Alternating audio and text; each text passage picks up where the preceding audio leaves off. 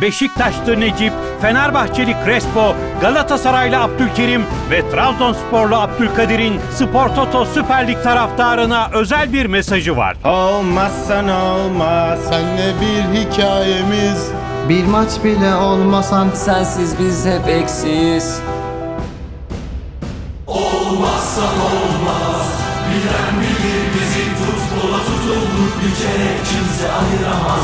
Spor Toto Süper Lig tüm coşkusu, tüm heyecanıyla futbolun tek adresi Bein Sports'ta. 2022-2023 sezonu sen olmazsan olmaz. Portoto Süper Lig heyecanını evlerimize taşıyan Bean Connect'in katkılarıyla hazırladığımız Dottiler Messi'lerin yeni bölümüne hoş geldiniz. Adettendir tam kadroyuz. Kıyıcı Hocam nasılsınız? Sağ ol Koraycığım. Herkese merhabalar. 30 Ağustos Zafer Bayramımız tekrardan kutlu olsun. Dün de yayında kutlamıştık. Bugün de canlı kutlayalım. Kutlu olsun Zafer Bayramımız. Bugün e, eşimle nerede izledik? Bir televiz haberlerden sonra güzel bir böyle mini bir belgesel hazırlamışlar. E, izledim. inanılmaz duygulandım. Yani biraz e, bu dönemlerle ilgili okuma yapmak, biriktirmek gerekiyor hakikaten. Fritz Hocam sizin e, bizim Avrupa yayınında çok güzel bir özetiniz vardı. Yine yapmak ister misiniz? Yok abi bence YouTube'a yönlendirelim. Gelsin. Tebrik ediyorum. Milli bayramımızı biz olduk. Biz olduk. Ama orada bir arkadaş mesaj attı. Yanlış anlaşılmış. Ben e, tabii ki Büyük Taarruz Birinci Dünya Savaşı'nın içinde dahil olan bir şey değil. Onun 4 sene sonrasında olan bir şey. Ben o anlamda David Lloyd George'u anarken sanki öyleymiş gibi anlatmışım sanırım. Tabii ki 1922 ile 1918'in alakası yok. Onu söyleyeyim. Süper. O zaman menüyü veriyorum. Ee, gayet keyifli bir menü var bugün önümüzde. Maç sayımız bir tık daha az. Konuşacak şeyimiz bir tık daha çok futbola dair. Ee, önce Beşiktaş'ı konuşacağız. Gerçekten Beşiktaş sıcak su gibi hem akıyor hem yapıyor. Ee, Beşiktaş'a da biraz e, Begorst Rozier üzerinden başlatıp Valerian İsmail üzerinden bitireceğiz. Ondan sonra Fenerbahçe Konya biz çekimdeydik. Ee, sonra ben baştan bir açtım maçı ama gerçekten kırmızıdan sonra çok çok konuşulacak bir şey yok. Ancak abi bu ilk beyazuyu enine boyuna konuşacağız ki ilk beyazunun eni de en. Aynen onu diyecektim. E, özellikle enine konuşacağız. Evet yani enine konuştuk mu boyuna vakit yetmeyebilir. Enine boyuna konuşacağız. Abi yapacaktım ama bütün ya adamın sahada yaptığı her şeyi video olarak indirdim ya. Onu ben podcast'te koymayı deneyeceğim. Hem Bean Connect'ten de izin almamız lazım bu arada telif için. bir markadan izin alırsak indireceğim bir şey yapacağım. En kötü Twitter'a video atarız. Ondan sonra Trabzon Galatasaray konuşacağız. Ya Trabzon Galatasaray'ı biraz e, kulağı tersinden tutarak konuşacağız. Çünkü Trabzon'u e, Abdullah Avcı'nın gerçekten e, pek iyi gitmeyen bir e, sezonu olduğunu düşünüyorum. Bütün Trabzon maçlarını izledim. Biraz Trabzon'dan bakacağız. Ondan sonra Trabzon'un hakkında bir fikir sahibi olduktan sonra daha fazla kendi aramızda mutabık kaldıktan sonra Galatasaray bu takıma karşı ne oynadığı konuşacağız. Biraz laf orada uzayabilir. Ondan sonra Anadolu'dan notlarımıza geçeceğiz ki arada iki takımın forvet transferlerini falan da konuşuruz. Bir Maxi Rodriguez, Maxi Gomez'i de konuşuruz. Ben oraya şimdi not alayım onu. Anadolu'dan notlarda da e, bir Antep konuşacağız. Antep çok iyi. Paşa'da yeni hocayı çok ufak. Ömer Erdoğan'ı daha büyük konuşuruz. Kayseri Giresun moca- maçında da Çağdaş Hoca'nın hem modaya hem futbolun trendine yön verişini konuşuruz. Hocam o siyah çok iyi şey usulü, e, Simeone usulü. Diyelim çenem düştü. Podcast'ten önce de bu iyi bir şey. Başlayalım. Beşiktaş'ta başlayalım mı? Başlayalım. Buyur abi. Time kodumuzu alalım 2253 diyelim ve şöyle başlayalım. Şimdi abi Beşiktaş muhteşem bir tempo yapıyor. Kıyıcı hocam sana sorarak başlıyorum. Yani bu temponun sonucunda da bazı alanlar buluyor. Bu alanı da özellikle iki bekiyle yani e, sol beki de katmak lazım. Artur Masuaku hastasıyız. Ve Vegors'la, Vegors çünkü çevresini de e, alan açan bir oyuncu.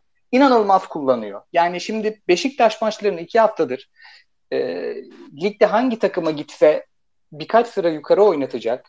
Gezzal'in yokluğunda izliyoruz ve Gezzal izlemesi çok keyifli bir oyuncu. Gezzal olmamasına rağmen inanılmaz keyif alıyoruz maçlardan. Ben bunda e, teknik direktörü konuşacağız. Yani abi sen istersen erken girebilirsin o tarafa. Ama ben burada özellikle Rozier ve Vegors'un inanılmaz rolü olduğunu düşünüyorum. Sen ne diyorsun maça dair? Abi Beşiktaş'a dair e, Alanya maçında biz nasıl kenar müdahaleleri eleştirdiysek oradaki e, değişikliklerde iki değişikliğin hatta üç değişiklikte diyebiliriz e, takımı stop ettirdiğini söyleyebilirsek 10 kişi kaldıktan sonra bu maçla ilgili de e, herhalde maçın ödülü Valerian İsmail'e gider. Çünkü takımını ilk yarıdan özellikle yani Sivas Spor'un bütün zaaflarının üzerine oynayarak çok iyi hazırlamış. Ee, yani Weghorst, Muleka'nın artık Gezal'in yokluğunda tıpkı Kasımpaşa'daki Umut Bozok'un merkez santrafordan ikilediği gibi gollük alanlarda kendine yer bulması. Ee, Enkudu'nun zaten geçen hafta Karagümrük maçıyla beraber dörtlü sisteme dizilişte sol kenardan etkinliği ve Salih'in her şeyden önce yükselen grafiğiyle beraber e, zaten maç ilk yarıdan bitti, koparttılar. E, Beşiktaş'ın çoğu iç saha maçı bence böyle geçer. Özellikle hani Sivas Spor, Karagümrük, e, İstanbul Spor mesela Kasımpaşa ve benzeri tür kendi sikletinde olmayan rakiplere karşı çok büyük bir üstünlükle bir hegemonya kuracaklardır oyun gücü olarak. Zaten hani fizik gücü olarak da görebiliyorsun abi mesela bazı oyunculardaki anormal değişim işte Salih olsun, Vegors gibi kendine çok iyi bakan, tıpkı Elmander gibi merkez pres yapan, rakip stoperleri pres yapan artı etrafında oynatan bir forvet. Ee, büyük bir avantaj. Her teknik direktörün isteyebileceği bir santrafor tiplemesi zaten. Ee, bunu gelmeden önce de herhalde mutabıktık herhalde. Burnley kariyeri, Wolfsburg kariyeri olsun. Ee, onun dışında abi şöyle ben mesela Joseph döndükten sonra Beşiktaş'ın merkezde herhalde Joseph ile beraber Salih Fernandez bu e, üçlüyü ele alırsak Salih bu formuyla bence kesilmez abi. Getson kesik giyebilir eğer istikrarlı şekilde yükselmezse. Yani e, Salih, Joseph, Dellali, Enkudu ve işte Muleka. Hatta ve hatta Dellali de kenara gelebilir. Gezdal belki merkezde oynayabilir. Muleka'nın şimdi ikinci forvet second striker'da etkinliği düşmesin diye. Böyle bir diziliş de düşünebilir İsmail. Şimdi önemli olan şu abi. Şimdi Sivas Spor'a karşı oyun güçlü. Karagümrük'e karşı oyun güçlü ama 2 Ekim'de Fenerbahçe derbisi var içeride. En büyük test sınavı olacak. Tıpkı mesela Ivon tu Igor Tudor'a benzer bir şey diyorlar ya mesela oyun gücü yüksek, içeride döverek rakibi yeniyor. Ama e, büyük maçlarda Tudor mesela zorlanıyordu. Özellikle Fenerbahçe maçına kadar ki süreç çok iyiydi.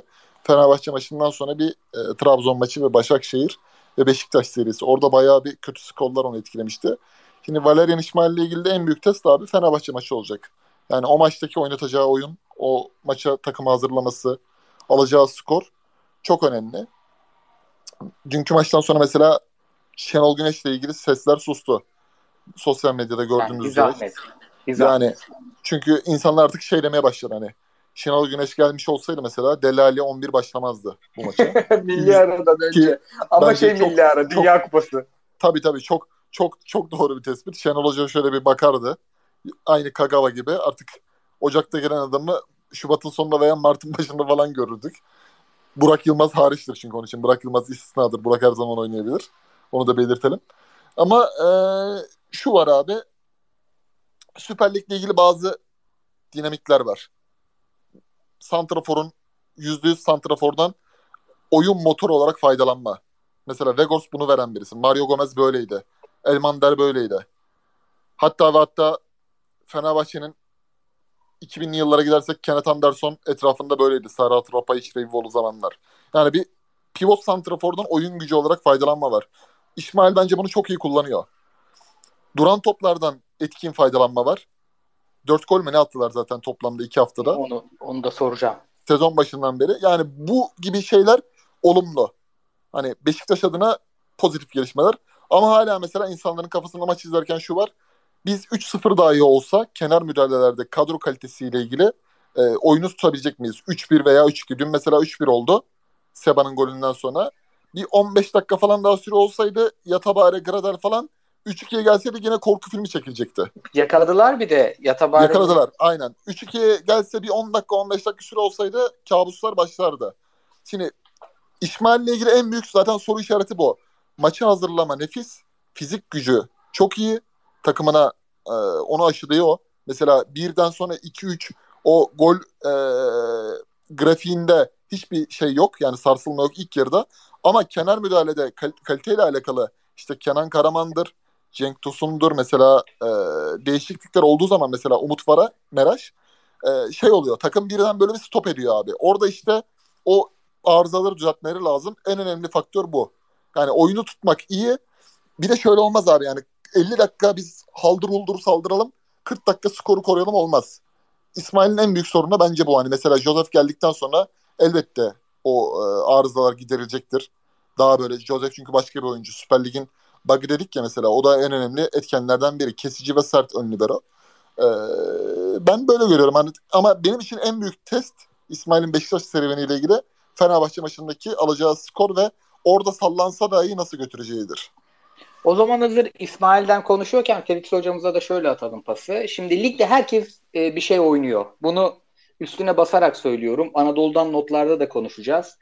İşte yani artık birkaç tane oyununu tahmin edebildiğimiz takım var. Bu çok iyi bir şey lig için. Bir Alanya maçı izlediğimizde gözümüzün önünde bir şey canlanıyor. Antalya öyle, Adana Demir öyle, Galatasaray öyle, Fener öyle. Trabzon öyleydi değilmiş. Mesela Abdullah Avcı ile ilgili konuşacağız. Galatasaray'ı eleştirenlerle ilgili de konuşacağız. Şimdi 8-10 tane böyle takım var ama bunların içinde hiçbiri Beşiktaş kadar hızlı ve Beşiktaş kadar keskin oynamıyor. Yani sanki herkes lig, ligin dördüncü haftasındaymış da Beşiktaş 14. haftasındaymış gibi. Şimdi e, burada yani keskinlikten kastım o. Yani her şey çok daha ezbere. E, şimdi burada transferleri, oyuncuları övüyoruz. İşte daha Delali'yi birkaç hafta sonra hatta belki konuşuruz. Sıra gelmez formda oyunculardan Delali'ye ki iyi oynadı çocuk. Ama burada herhalde e, övgü çıkması gereken esas insan e, Valerian İsmail ve zaten takımın duran top performansından da anlıyoruz gibi abi penaltı gibi atıyorlar kornerleri. Ne diyorsun hoca hakkında? Abi hocadan girdiğin için önce teşekkür ederim çünkü ben şey diyordum kafamda kurduğum cümleler senin sorduğun soruyla alakasız olacak yine seni boşa düşüreceğim diyordum. Direkt İsmail'le ilgiliydi çünkü futbol konuşan herkesin bu adama bir özür borçlu olduğunu düşünüyorum şeyi beklemeden. İşte Başakşehir maçında görelim rakipler kötüydü daha iyi rakiple görelim falan beklemeden bu adama bir özür borcumuz var. Yani tabii arayıp abi İsmail abi kusura bakma abi biz sana çok salladık diye. Ben, Ama, ben aramam. Ben o cüssede adamı aramam abi. Aynen. yani olmaz. Konu, futbol konuşan insanlar bir bu şeyi yapması, kendilerini tekzip etmesi lazım. Ben kendimi tekzip edeceğim. Hazırlık maçlarında izlediğim takım, ilk iki maçı izlediğim takım asla sadece tempo üzerinden de oynasa, rakipler de kötü olsa şu iki maçta oynanan futbolu bana izleteceğini göstermiyordu. Hele deseler ki Fris Gezel oynamayacak ama Beşiktaş ligin 60 dakika, 70 dakika en iyi futbol oynayan, en heyecan veren futbol oynayan takım olacak. Hayatta inanmazdım. Ve golleri sadece iyi tempo yaptıkları için tempoyu yaptın, bastın, aldın kaleye indin iyi bitirdin. O yüzden iki maç bu noktaya geldi. Değil abi. Sen Rozier dediniz. Rozier sonunda iki buçuk sene önceki Rozier olarak oynuyor. Ve Rozier'in öyle oynaması bu takımın organize atak yapma e, becerisini inanılmaz artırıyor. Gezelsiz artırıyor. E, ne diye salladık şeye İsmail'e? Topla topu ayağına aldığında rakip sahada pas yapmaya başladığında takım çok çaresiz görünüyor diyorduk. Ve Muleka'yı Weghorst'u o kadar kötü kullanıyor ki takımdaki herkes kötü görünüyor bu yüzden diyorduk. Abi Gezal bir sakatlandı. Muleka'yı bir attı herif sağa. Herkes tık tık tık. Bir tarafta koşucu. Weghorst'un indirdiklerini, servis ettiklerini sürekli tehdit olarak koşuyla e, rakibi yıpratan. Öbür tarafta driplingçi bir oyuncu. Üstüne atletizm ekleniyor. Bambaşka bir şey çıkıyor. E, e, Jetson ilk maç kötüydü. İlk maç dediğim geçen haftaki maç. Bu hafta Jetson iyiydi. Salih Alanya döneminde bir 10 hafta hayal ettirdiği şeyleri tekrar yapmaya başladı. Kağıt üstünde bakıyorsun ulan bu takıma transfer lazım diyorsun. Ama sahaya bakıyorsun her oyuncuda övecek bir şey çıkıyor. Bunlar hocalık. Ha evet Başakşehir maçında başka bir takım izleyeceğiz muhtemelen. Hiçbir takım Sivas kadar geberik olmayacak. Hiçbir takım Karagümrük kadar e, ne yaptığını bilemez halde olmayacak. Ama o, ben maçı izlemedim. Aynı Karagümrük, e, Karagümrük döndü bu hafta çok net galibiyet aldı mesela. o tak bu takımları bu kadar kötü gösteren de tamam Sivas kötü eyvallah ama Karagümrük'ü bu kadar gösteren de bu oyun. Yani şeye de harbi çok takılmamak lazım. İyi takım geldiği zaman göreceğiz. E, şu an iyi abi şu anı konuşuyoruz. Biz iyi adamlar ve hiç beklenmedik şekilde iyi. E, duran topluyorsun. E, bir Galatasaray taraftarı yıllardır kafasını taşlara vuruyor. Ya bu takım bu lig artık gidip herkese 10 tane pozisyona girip 3 gol attığın bir lig değil. Duran toptan gol atmak zorundasın. Bir maçı krizden çıkarabilmek için diyorsun. E bu herifler çıkarıyor. Bu da hocalık yani. Kesin. Kesin yani orada Galat şimdi e, buradan bir daha indireceğim de Galatasaray yine en çok korner atan 3 e, takımdan biri. Mesela yani. iki golü var totalde. E, bu ekleyecek bir şeyimiz var mı Beşiktaş'a dair Abi, yoksa? şu var. Weghorst'u çok övdük geldiğinde. Üçümüz de o hele o kadar erken bitirmek bu transferi çok büyük iş diye övdük.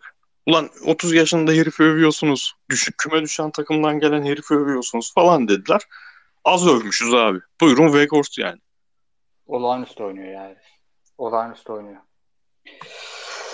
Fenerbahçe'ye geçmeden önce Spor Toto Süper Lig heyecanı Bean Connect'te ve bu heyecan sen olmazsan olmaz. Ayda 64 liradan başlayan fiyatlarla takımınızın maçlarını Bean Connect'ten izleyebilirsiniz. Bu maçları hiçbir taahhüt olmadan ister webten, ister cepten, ister tabletten, isterseniz de benim gibi Smart TV'den takip edebilirsiniz. Podcast'in açıklamasına bir link bırakıyoruz. Orada e, linkten, kampanyadan faydalanabilirsiniz diye Abi ekliyoruz. Connect'in tadı ne zaman çıktı biliyor musun? İlk Ne Peyazu dönüp ulan ben ne izledim az önce diye hissedip Peyazu'yu tekrar izlemek o sıcağı sıcağını tekrar izleyebildiğin zaman çıktı. Abi sana bir şey diyeyim mi? Ben ilk defa bir futbolcuyu repeat'e aldım. Şarkı gibi repeat'e aldım futbolcuyu. yani Abi şimdi bana bir DM gelmiş de size de sorayım bunu.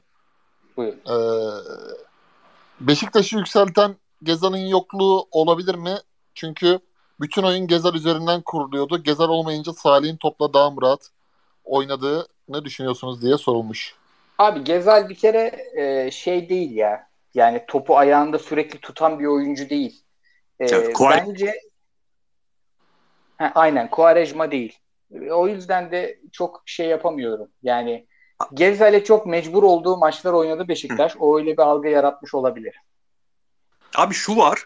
Şimdi eee, evet bence şey olarak etkisi var muhakkak. O 30 dakikalık dirençli anlarda yani rakibin hiç karşı koyamadığı anlarda o kurguyu Gezal'le yapmak o kadar kolay olmayabilir. Gezal'i ona ikna etmek o kadar kolay olmayabilir ve şey çok iyi oturdu.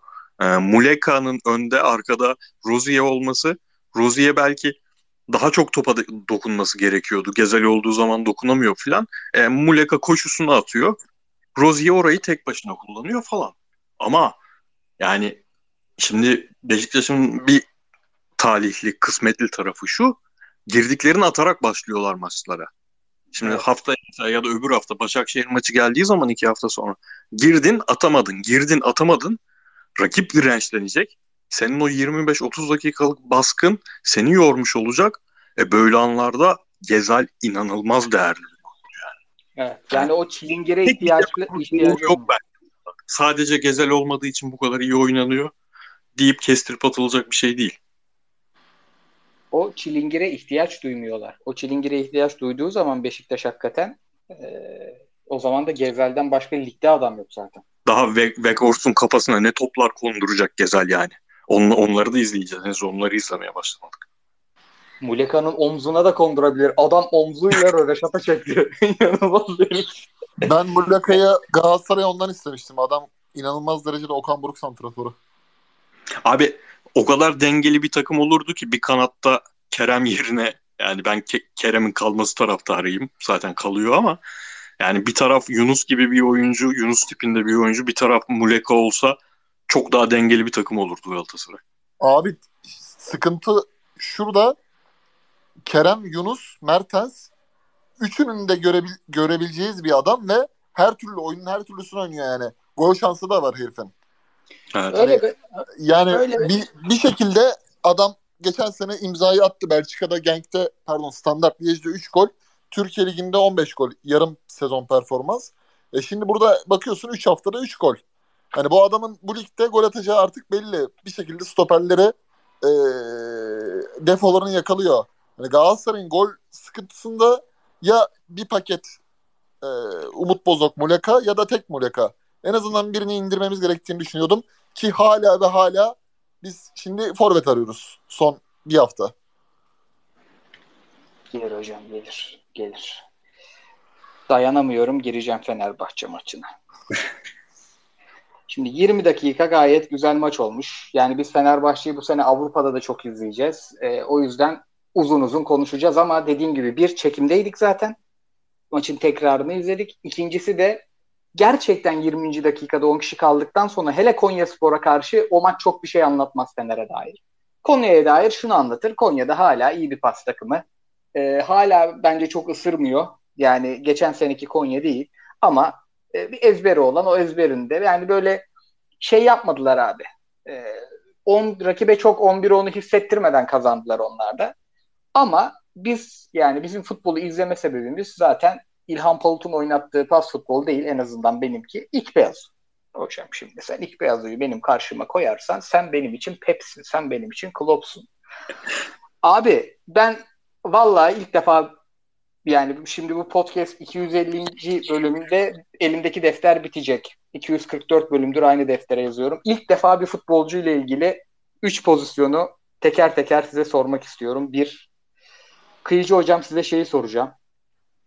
Ee, köşe gönderinde 3 Fenerbahçeli ile mücadele ederken William Arao'yu yanlışlıkla amel defterini kapatışını o, o pozisyonu size sormak isterim.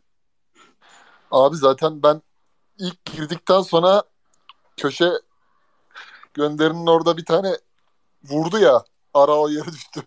orada zaten plakaya aldım bunu. Hemen tweet attım. Bu 29 numara nedir diye. Tam bir dakika sonra diğer taraftan önüme at dedi. Koşmadı ya. Orada ikinci. Hocam bir dakika bak bir dakika şimdi. O pozisyon ayrı konuşulacak. O pozisyon 35 saniye 35 kere izledim ben. Ki ben bunu hani bir yandan maçı izliyorum. Bir yandan da çekim çıkışında Serhat Akın'ın programı vardı ya Nat Spor'da. Serhat Akın'a yorumunu merak ediyorum. Ne diyecek falan diye.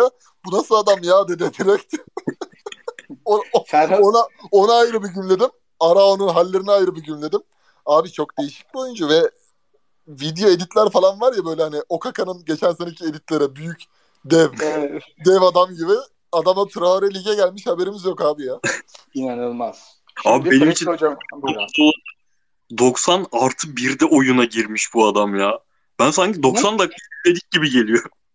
Ben de 60-65 ya. Aynen. On- 12 tane videosu var herifin. Aynen. Abi sana da şeyi soracağım. Şimdi bir pozisyon oluyor. Topu kazanıyor Konya. Ayağına atıyorlar. Ondan sonra bir alıyor, veriyor, bir şeyler yapıyor. Sonra bir koşu yolunu gösterip koşmuyor. Evet. Ama top ona geliyor ve e, 35 saniye boyunca onda kalıyor top ki zaten Abi buyur. Evet. O, o pozisyonda detaylarını senden alalım. Twitch yayınlarıyla meşhur ben ismini tam bilmiyorum. Haka Işıkçı mı? Hakan Işıkçı mı? Hasan Kaşıkçı. Hasan Kaşıkçı ha. Ben o kadar da uydurmuşum ki. Abi o arkadaş demiş ya ya koşuyor mu koşmuyor mu anlamıyorsun ama koşmuyorsa bile yanındakiler de o koşmadığı için koşmuyor. Çok tuhaf pozisyon yani. Adamın o vurduğu şutu sen anlat abi. Ters ayağıyla vurmuş. Abi orta ortada felaket. Ortayı hiç gerilmeden nasıl? A- Ortaya bir Allah kulu temas etseydi biz bugün bu programda 30 ben- Ağustos'u kutlayarak değil de bir futbolcu kardeşimizin vefatını anarak başlardık. O abi o bir top değildi. O çok fena bir şeydi. İlk beyaz o. Canım kardeşim bir daha atma. Top ayağına bir oturdu. Zaten göremedik. Ben tekrarda da yavaşlatarak izledim. O direkte patlayan toptan 10 kat daha sert orta. Zaten direkte patlayan top tamamen şey hani herkesin küçük ilk beyazının dev olduğu pozisyon. Orada inanılmaz büyüyor. Bak topla giderken dikkat et. Hani gerçekten altaya maltaya gelse o top sakatlar yani. Gol olmasına bak sakatlar abi. Acayip bir şey ya. Ama eee önümüzdeki hafta yine İlhan Palut şeydir böyle pragmatik hocadır. Muhammed Demir'le başlar izleyemeyiz yani. Abi Her şey o adamın bunu- 90 dakikası bu ligi kaldırmaz zaten. Bu, bunu onar dakika onar dakika atacaksın. Evet abi sen ne diyorsun? Daha 4K var televizyonlar. Bugün biri şey yazmış. Luyendam'a gitmesene şunların kafa kafaya oynadığını bir görsek karşılaştık. Ee, şey, Ben şeyle gitmek isterdim. Servet'le böyle. Servet'le ikili mücadeleye girmesi falan çok zevkli olurdu. Abi maça Konya bu- dair bir şey Buyur abi. söyleyeceğiz. Ben istiyorsan yani Fenerbahçe'nin yine çok hızlı şey duygu değişimi oluyor Fenerbahçe'de. Ben problemin şey olduğunu düşünüyorum ya. Geniş kadro problemi abi. Yani evet Avrupa'dan dönüyorsun falan filan ama şimdi o maçta iyi oynamış futbolcuyu diğer futbolcular da oynayabilsin diye şu maçta kenarda tutmak zorunda kalmak bu takımın bence bu seneki en büyük problemi olacak. Boşaltmazlarsa kadroyu ki nereye kadar boşaltacaksın? Yani saha içindeki o e, mutsuz tavırlar, organizasyonun bozuk görünmesinin yani geçen hafta 7 pasta kaleye inen takım bu hafta 3 pası yapamıyorsa ben biraz bunda arıyorum ya. Biraz metafizik saha dışı bir şey ama ben geniş kadronun problemli bir iş olduğunu düşünüyorum yani. Fener'de Ben bu maç bu, bu vurdu yani bu maç. Şimdi biz e, maçın son 30 dakikasını işte 60 gibiydi bizim çekim bittiğinde hatta 50-55 muhabbet sohbet hadi oturduk maça 60 oldu. Erman Özgür ve Serhat Akın'la izledik. Bak futbolcu gözü şeyde başka onlar yoklama alır gibi de izliyor. Şey dedi ya ya bu İrfan sakatlıktan döndü muhteşem oynadı Avrupa'da. Şimdi burada bak yanındakine zor pas atıyor. Bunun bir sebebi olmalı dedi. Yani bu Aynen. fizik bu fiziksel bir şey değil dedi Serhat Akın mesela. Ee, 5 dakika Erman sonra Özgür de- verdiği o kö- çok kötü organizasyon meydana geldi. Evet orada Aynen. da bak orada da çok güzel. Orada da futbolcu gözüyle çok güzel bir şey söyledi. Ben onu hatta telefona yazdım. Sonra burada da söyleyeyim diye not da almışım Allah'tan. Şey dediler. Hani Erman Özgür de sordu böyle kibarca. Hani ya senin içeriden bildiğin bir şey var mı? Bunlar hani bir mutsuzluk bir hakikaten biz metafizik dediğimiz şey onların günlük hayatı aslında. Hocaya canı sıkılır. Ne bileyim evde, eşine canı sıkılır. Oynayamam. Abi senden sekiyor kıyıcı. Kapatıyorum hemen sesini. Tamam. Ben ben de size sorarken kapacağım hemen. Ee, sonra İrfan'ın pozisyonu oldu. İşte o pası vermediği yani veremediği Ferdi'ye. Bak ben mesela direkt ulan niye kesmiyorsun falan dedim. Şey e, Ferhat şey dedi. inadına mı atıyorsun oğlum? Onun attığın ayağı da ters ayağı zaten. Neresiyle vuracak o topu oradan dedi. Mesela bu topçu gözü görüyor bunu. Yani o pası atması yani o pası atması ayrı saçmalık diyor. O çocuğu atması ayrı saçmalık diyor. Zaten kaç metre koşmuş hayatı kaymış. Bir de ters ayağına pas atıyorsun yani bu istesen Sana geri şey dönmek olur. zorunda kalacak ters ayağı olduğu için. Aynen abi. Ee, o hakikaten topçu gözü başkaymış. Bu arada Konya Mehmet Yuf'u da aldı. Bugün resmi açıklama gelmemiş. Şimdi tekrar çek ettim ama herif Konya'da yani. Ee, bu Hataylı Diouf'u da aldı. Hocam ilk beyazlı Ee, Hakan Şükür Lukaku'nun ikiz kuleler dönemi vardı. Şirinler formalı. İkiye katlar. Bu ikili onları ikiye katlar. Çok değişik bir ikili. Trabzon Galatasaray'a geçelim mi? Ben Fener'e dair kısa bir şey söyleyeyim. Ben de abi bir üçlü yorumu yap diyecektim. Üçlüye sallanması yorumu. Abi şöyle yani bu filmi daha önce gördüm. Yani filmi hep görüyorum. Aktörler değişiyor, yönetmenler değişiyor. Sadece bu. Yani teknik direktör tercihi elbette günümüzde geniş kadronun da belli avantajları vardır. Dar kadronun da belli avantajları vardır. Geniş kadron iyiyse dahi rotasyon isini çok iyi belirlemen lazımdır.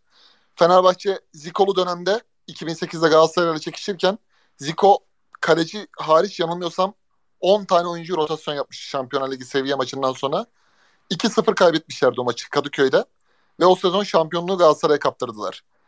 Her şeyin farklı bir e, cezalandırma sistemi vardır bu hayatta. Bunu çok net görebiliyoruz. Ama yani teknik direktör dizilişi, oyuncu tercihleri tamam ama yani Rıdvan Dilmen'in gene geçen seneki filmi başa sarması. Ya sen çarşamba günü veya perşembe günü Avrupa maçından sonra Cesus'la ilgili ben en az 3 tane spor hesabında Rıdvan Dilmen'in müthiş övgülerini okudum. Dün şimdi yine dörtlüye dönmesi lazım. Üçlü sıkıntılı. Abi Avusturya maçında da üçlü oynadın yani. Kaydırmalı dörtlü gibi gözüktüğünde de aslında üçlü oynuyor. O kaydırmalı da. Ha bak şu olabilir mesela. Bu bir eleştiridir. Bu bir eski bir futbolcunun uzun yıllardır yorumculuk yapan birinin eleştirisidir. Mesela İrfan Can 11 başlayabilir miydi? Bence başlayabilirdi. Konya Spor çünkü Aykut Kocaman döneminden beri 8 yıldır, 7 yıldır Süper Lig'de belli bir oyun hiyerarşisi olan takım. Seni çok iyi karşılar, çok iyi kapatır. Belli şekilde sana alan bırakmaz. Sana topla oynayabilen iyi oyuncular lazımdır. İrfan sana önde o meseleyi çözebilir. Hele ki Türk futbolcusu Avusturya Viyen maçında 2 gol atmış, iyi oynamış. Bu maçta kendini 11 oynayacağım diye hazırlamış olabilir. Bu bir tercihtir. Özellikle Lincoln sol kenarda oynuyorsa maç öncesinde tercihte. Ben ilk yarı çekimde olduğumuz için dediğiniz gibi izleyemedim. Ama mesela bir şeyler görüyorsun. Oyuncuların ayakları gitmiyor belli bir süre sonra. Gitmeyen oyuncular hala sahada kalmaya devam ediyor mesela Ferdi gibi. Belki oraya bir Alioski tercihi yapılabilirdi Lincoln yerine. Çünkü sana enine ve sahayı genişletebilecek oyuncu portföyü lazım. Ki Alioski'nin zaten en meydan bulabileceği maçlardan biriydi. Bir ara hatırlarsanız Fener soldan gidemediği için o sayıyla so- sağ tarafı zorladı Konya Spor'un. Ha şimdi oyuncu tercihleri üzerinden eleştirilere ben katılıyorum ama yani dizilişle ilgili abi bunu yapmayın ya. Yani her teknik adam için bence böyle. Özellikle Ya Fenerbahçe gibi 8 yıldır bu işe artık susamış e, şampiyonluk yolunda gerçekten çok kırılgan. Abi dün yani dün maç izlerken bile gitti şampiyonluk diyor mesela Fenerbahçeliler bir arada otururken. Evet. Şimdi bu kafa yapısıyla devam ederken böyle hani Evet evet değişik. dışarıdan dışarıdan konsolide etmek dörtlü, üçlü ki kendini yalanlayarak hani bir iki gün önce övüp de iki gün sonra üçlü demek bence saçmalık. Ha bence Ya oyuncu de- tercihleriyle ilgili Jesus'un hatası var. Bu yüzde yüz abi. Buna katılıyorum. Fenerbahçe kötü oynarken dahi bazı şeyler gözükürken dahi kötü müdahale ediyor. Dünkü maç özelinde. Bu da hatası var. Ama yani adam hep dikini oynatıyor. Hep e, sağ içi istikrarda gol, gol arıyor. Fenerbahçe'nin gen, genlerine uygun oynatıyor dedikten sonra da böyle üçlü dörtlü bana çok saçma geliyor yani. Ya bir de abi bak şu, şöyle bir şey var. Şimdi bunu e- özellikle Galatasaray'da konuşacağız. Trabzon'da da konuşacağız Cornelius gittikten sonra. Bu takımlar hala kuruluş aşamasında. Bunlar 13 maç ligde oynayacak sonra 40 gün idman yapacaklar. Dünya Kupası'nda topçu da yollamayacak bunlar. Bunlar apert ya Arjantin'deki gibi apertura klausura oynuyoruz biz. Her sene böyle oynuyoruz bu arada. Yani Fenerbahçe'nin en iyi Fenerbahçe'nin en iyi transferi kim? Pedro değil mi şu an? Gomez gelene kadar. En flash Evet. adam Pedro. Hiç oynamadı. Evet. Hiç oynamadı. Maxi Gomez geliyor. Cihan Pehlivanı aslanlar gibi topçu. Gelirse ya en iyi transfer ya iki olacak. Üçüncü. Bence Alioski en değerli adam. E daha doğru dürüst sahaya çıkmadı. Yani elindeki en değerli oyuncu Arda henüz kullanılamıyor. Yani bu takım daha kuruluş aşamasında. Rıdvan Dilmen geçtiğimiz seneki takıma da üçlü takımı değil diyordu. Bu senekine de ya Allah'ları bir zaten. Yani Fenerbahçe'de şu an birkaç tane eski oyuncu bir arada tutuyor oyunu zaten. O istikrarı sağlıyorlar. Yoksa bu takımda istikrar sağlamak kolay değil. 22 tane yabancı var. 50 tane topçu geldi. Daha bugün Berisha bir yere kiralanmış. Samat da bir yere kiralanmış. Ee, bir hafta önce e, daha gidecek var, Novak gelecek var. ya. Abi Kolkar'ın kontratı yeni feshedilmiş ya. Böyle. Ben yani ben Transfermarkt'ta bazı oyuncular nereye gitti ya diye merak edip baktığımda hala Fener'de çıkıyor onlar. Bu Evet, kolay evet. bir durum değil. Değil Bu çok zor. önce ve kimse kusura bakmasın bu bu durumun bu hale gelmesinin iki tane sebebi varsa birinin adı Serdar Ali, diğerinin adı da Rıdvan. 55 tane transferi yaptırtan adamlar da bunlar bu kulüplere. Bıraksınlar şu yöneticilerin peşini. Ekranının başında ayrı, Paper Moon'larda ayrı. Yeter abi. Sen kazanıyorsun paranı medyadan zaten. Neden bu kadar uğraşıyorsunuz ki bu takımlarla? Herkes sportif direktörcülük oynuyor. Oynarsanız böyle 75 kişilik kadroda ya Jorge Jesus bizden mi öğrenecek baba? Adamın her yani Portekizce konuşulan yere gitmiş adam iki buçuk puan ortalamayı yapmış gelmiş 75 yaşında Fenerbahçe'ye de yıllardır oynamadığı hücum oyununu oynattı adam geldikten iki hafta sonra. Buna da akıl Fener- öğretmeye başlamışlar.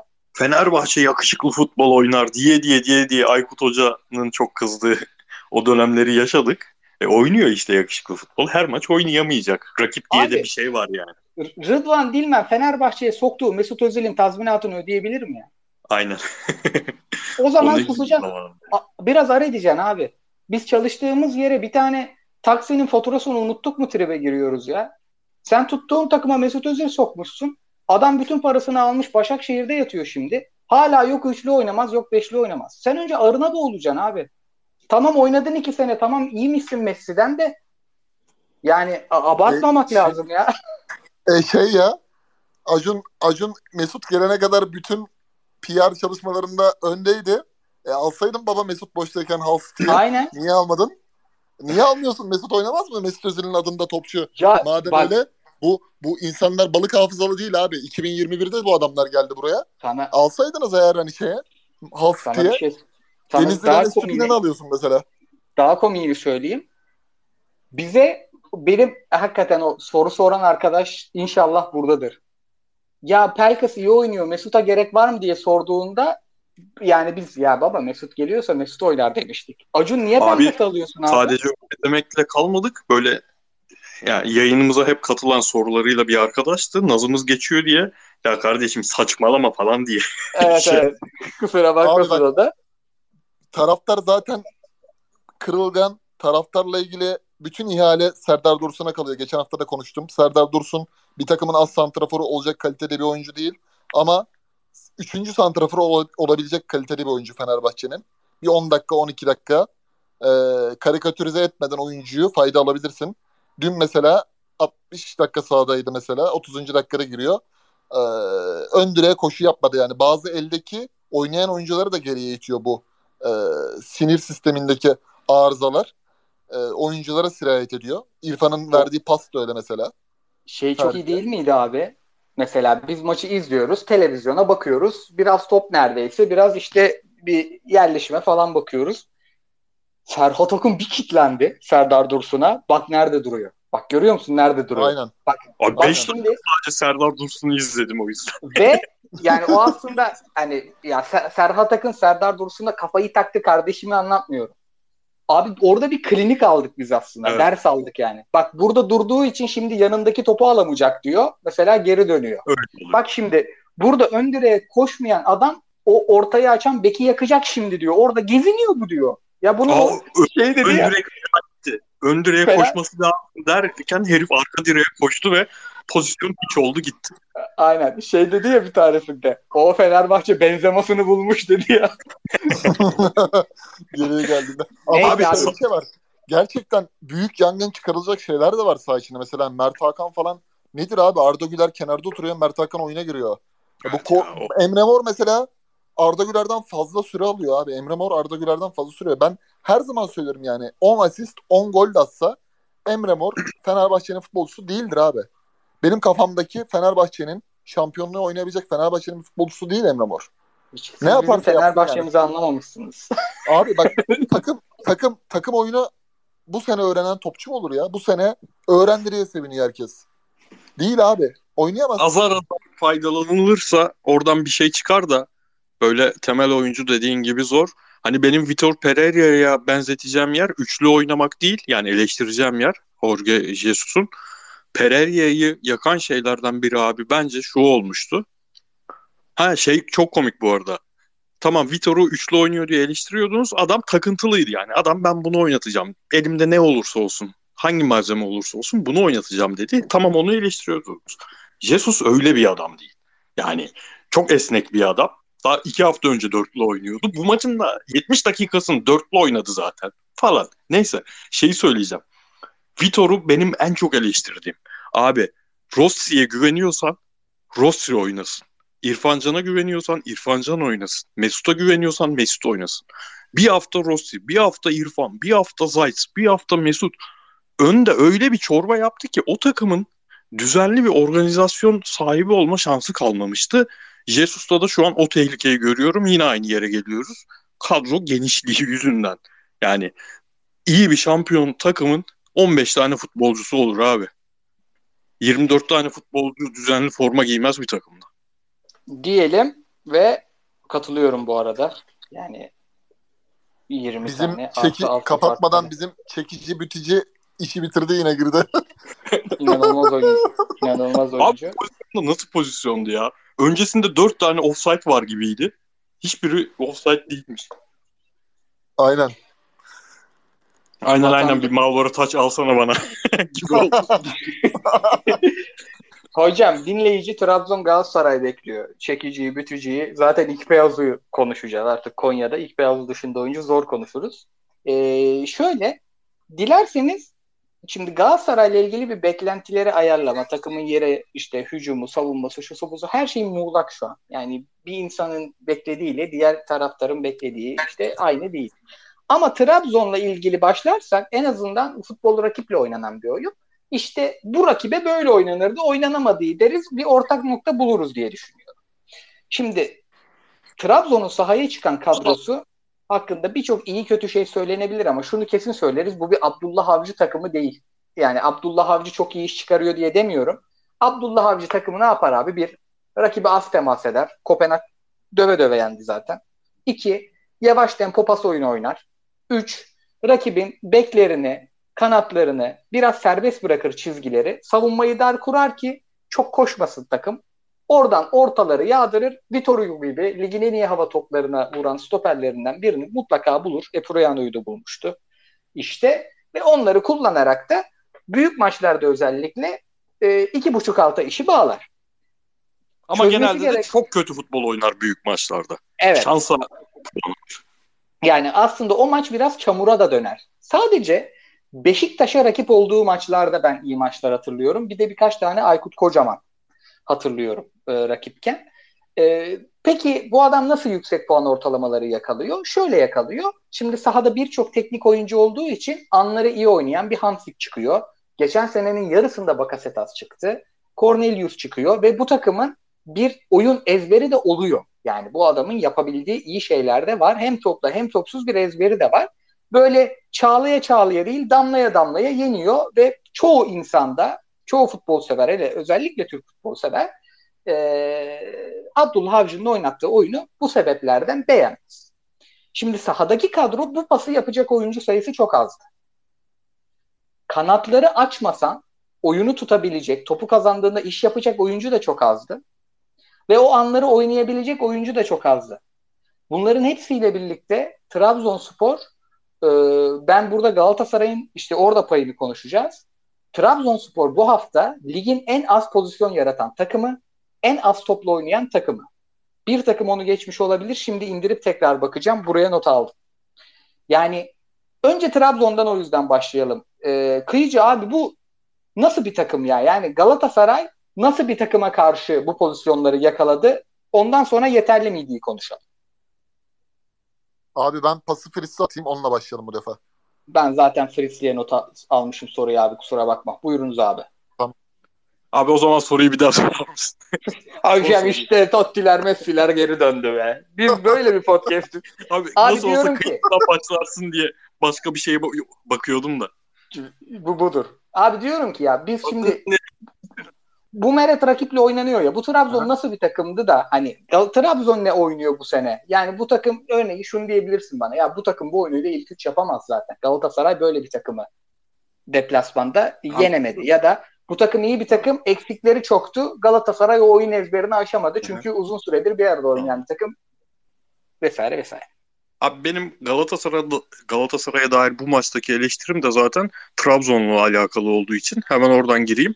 Şimdi ben e, Galatasaray taraftarının sabır göstermesini e, düşündüğümü söylerken Giresun, Ümraniye falan gibi rakiplerde oynayacağı maçlar için hatta Konya ile oynayacağı maçlar için işte oynarsa ne bileyim Antep'le oynayacağı maçlar için teknik direktör ve futbolcu devamlılığı olan rakiplere karşı Galatasaray'ın e, oyunun oturmasını beklememiz gerektiğini düşünüyorum. Onun için sabır gösterilmesi gerektiğini düşünüyorum.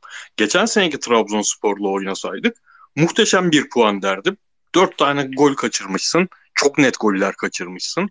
Geçişte muhteşem savunma yapmışsın. iyi çıkmışsın. E ben bunun nesini eleştireyim? Benim eleştirim şu. Şimdi Galatasaray Fenerbahçe gibi öyle kırılgan bir noktada ki e, yeni kurulmuş takım olmasına rağmen bazı fırsatları değerlendirmeme şansı yok. Bu fırsat ne? Trabzonspor'un bu maça çıkmak zorunda kalan 11'i. Şimdi Trabzon geçen sene ligi Ocak ayında bitirmiş şampiyon bir takım olarak savunma dörtlüsünün 3 yeni oyuncu. Şimdi bu şeylerden, sakatlıklardan falandan filandan bağımsız çok arızalı bir durum. şampiyon bir takımın savunmasının tamamı değişir mi neredeyse bir tane Victor Hugo dışında? Şimdi Galatasaray böyle bir rakibe karşı oynadı. Üstüne Hamşik yok. Bakasetas yok. Visca yok. Abi böyle yakalamışken Galatasaray gibi kırılgan durumda olan bir takımın ben galip gelmesi gerektiğini düşünüyordum. Ümitlenmeme sebebimle mesela, mesela önceki maçlarda ümitlendiğim çok şey vardı. Şimdi bu maçta hepsinden çok pozisyona girdi Galatasaray. Ama bu pozisyonların hepsi Galatasaray'ın ligin %90'ında oynayacağı futbolla alakasız pozisyonlardı. Evet organize çıktı, iyi çıktı. Çıktığı çıkıp pozisyona girmeden topu kaybettiği anlarda iyi kapandı. Çok kıymetli. Geçen sene Galatasaray'ın en büyük arızasıydı. İyi kapandı ve pozisyon vermedi. Ama bunları hafta sonu Antep'le oyna, oynadığı zaman böyle pozisyonlar bulmayacak. Ondan sonra oynayacağı rakiplerin %90'ıyla bu maçta bulduğu şekilde pozisyonlar bulmayacak. Galatasaray'ın oyunu kapattığı, yani rakibi kapattığı, yarı sahaya yerleştiği anlarda iyi pozisyon çıkmadı. Orada bir ışık göremedim. O yüzden ben Trabzon'un bu karman çorman halinden puan çıkması gerektiğini düşünüyordum. Çıkmadı. Öyle bir hayal kırıklığım oldu. Ama dediğim gibi Trabzon'a dair de yani Trabzon şampiyon bir takım. Eyvallah sakatlıklar var ama 10 tane kalecisini saymıyorum. Kalecisi zaten ül- ülkenin en iyi kalecisi ve dönecek. Ama geri kalan 10 oyuncunun 5 tanesi yeni, 6 tanesi yeni bir şekilde kaç haftadır ma- maçlara çıkması bana çok tuhaf geliyor ve bu yüzden Abdullah Avcı sanırım savunmayı olabildiğince geçen seneden de fazla bir şekilde geride kurmaya çalışıyor. Geçişte yakalanmayayım, Trezeguet'i koşturayım. Öbür tarafta da Canini oyun aklıyla bir şeyler yapar, getirir. Cornelius bitirir futbolu oynuyor. Yani Cornelius gittikten sonra kimi indirecekler falan bilmiyorum ama ben çok uzak görüyorum şey şanslarını. Yenile ikinci şampiyonluk şanslarını şu an. Ya Galatasaray Fenerbahçe tepelerini açsalar şu yani bugünü konuşuyoruz. Beşiktaş çok başka bir yerde çıta olarak bence de. Ben şimdi o zaman topu şöyle terse atacağım kıyıcıya. Abi şimdi bence e, bu nesil teknik direktörlerin özellikle yerlilerin bizim ligdekilerden bahsediyorum. Şöyle bir şi, şiar ediniyorlar. Kadrolar özellikle 55 tane transfer olduğu için e, bunlar gelse de işte sezon başında da gelse devre arasında da gelse bak yani Abdullah Avcı'dan başla Ömer Erdoğan, Çağdaş Atan hepsini sayabilirsin. Şumudik başarılı olan yabancıları da say. Bunların hepsi ilk önce yeni kadroda savunmayı oturtuyorlar. Çünkü savunma e, bir kolektif iş. Savunma teknik direktörün çözdüğü bir iş. Valerian İsmail'i de ilk öyle eleştirdik ya. Topla ne yapıyor bu takım diye baktık ligde o da oturmaya başladı. Hatta hızlı oturdu diye övüyoruz. Şimdi bu takımın bu kadar iyi savunmayı oturtması bu kadar erken bence bir binanın temeli de, de diyebilirsin. Bir ana yemeğin temeli de diyebilirsin. Bu çok değerli geliyor bana. Yani ben o yüzden umutluyum. Ben Sergio Oliveira'nın e, oynadığı maçlardaki katkısından da o yüzden memnunum. E, Torreira'nın geldikten sonra yarattığı etkiden de memnunum. Mertens'in geri koşuşundan da memnunum. Yunus'un 6'da 6 dripling yapmasından da o yüzden memnunum. Hücum içinde hem vakit var. Çünkü artık Galatasaray önümüzdeki 3 maç İstanbul'da yanlış hatırlamıyorsam. Bir Paşa deplasmanı var. Konya içeride, Antep içeride. Bir de başımızın belası transfer var. Galatasaray'ın sol beki değişecek. Sol beki ayrı konuşacağız. Galatasaray 10 kişi oynuyor zaten. Şimdi burada yani aslında üstüne koyacağımız bir sürü tuğla var gibi geliyor bana. O yüzden ben gayet umutluyum ve mutlu ayrıldım maçtan. Sen ne diyorsun? Abi şöyle. Şimdi Trabzonspor deplasmanı yeni kurulan takım da olsa eski şampiyon takımla da gitsen her zaman zordur. Ben maçtan önce mesela beraberlik deselerdi kabul ederdim ama Trabzonspor'un Kopenhag'daki iki e, mental yorgunluğunu gördükten sonra Feris'in de bahsettiği gibi gerçekten galibiyetin kaçtığına üzülüyorum. Neden? Şimdi Galatasaray'ın bina örneğini verdiğin için söyleyeceğim abi. Hani Galatasaray'da Okan Hoca gerçekten dört tane yeni oyuncu sahadaydı mesela Trabzon maçında. Hala da mesela takviyeler de gelecek. Her şeye rağmen bir e, takım olgusunu takıma katmış durumda. İşte stoperlerde kusursuz bir performans bence. Nelson'la Abdülkerim'in bu maçtaki sergilediği. Yani Janini'nin dışında Trabzon'un net bir pozisyonu dahi yok. Ee, yani harfiyatı yaptı. Temeli dökmüş. Kolon ve perdeleri de yapmış abi. Döşeme kısmını yaptı. Her şey tamam. İş güvenliği falan her şey tamam. Binayı yapmış durumda. Bir çatı kaldı abi. Yani Trabzon maçı bittikten sonra çatıyı da yapmış olsaydık gerçekten de 3 puan alıp çıkacaktık oradan cebimizde. Onu yapamadık ama işte. Hücumda sıkıntılar var. Hepimizin bildiği üzere. Yani 2 gol gerçekten 4 maçta 2 gol. Hani Beşiktaş'ın 11 golü. Fenerbahçe'nin yanılmıyorsam 13 golü. Ee, bu sıkıntılar düzeltilebilir mi? Düzeltilebilir. Her şekilde düzeltilebilir. Mesela elde gelen oyunculardan belli şekilde katkı alabiliyor. İşte Abdülkerim'in Markao gittikten sonra ben Markao diye bir oyuncunun oynadığını unuttum Galatasaray'da. Yani ondan bile daha iyi oynuyor. Savun- yani savunma performansı ondan bile iyi yani. Nefes aldırmadı Cornelius'a. Cornelius'un Türkiye'de 6 6.5 ratingin altına indiği ender maçlardan biridir belki. E şimdi mesela e, Boey kampta kamp görmemiş adam. Savaşıyor bir kere abi görüyorsun yani. Adam gidiyor geliyor bir şekilde savaşıyor. Van Aanholt'u geçiyorum zaten. Sinirlendirmeyeyim kendimi. Onu geçiyorum bir kenara. E, Torreira her şekilde e, doğru pres yapıyor. Geri seni koşturmuyor abi. Her şeyden önemlisi bu. Takımdaki hücumcuları kenardaki Yunus'la Kerem'i geriye koşturmuyor. Doğru presle doğru şekilde topa sahip oluyor. Bunlar güzel şeyler ama işte abi biz e, maçtan sonraki birkaç şey bitimde de bundan bahsettim. Yunus ve Kerem'i bir türlü e, o çatının içine sokamadık abi. Yani Kerem 30 kere topla buluşmuş. Çok düşük bir rakam. Ve geçen seneki yaptığı e, ikinci, ikinci yarıda Torrent'le beraber ve birinci yarıda Fatih Hoca ile Avrupa maçlarına göstermiş olduğu hiçbir şey yapmıyor şu an. Çok kendisini etkisiz eleman gibi gösteriyor. Bu hocanın e, aslında şöyle benim düşünceme göre nasıl çözülür bu? Ya Kerem'e bir, bir rol biçeceğiz abi. Beşiktaş'ta Sergen Yalçın dönemindeki gibi arkadaki ikinci toplara daha kaleye yakın oynayacak. Oyun kurulumu esnasında e, biz bir, bir kulvardan zorlayacağız. Yunus'la Dubois veya işte Boy tarafından zorlayacağız.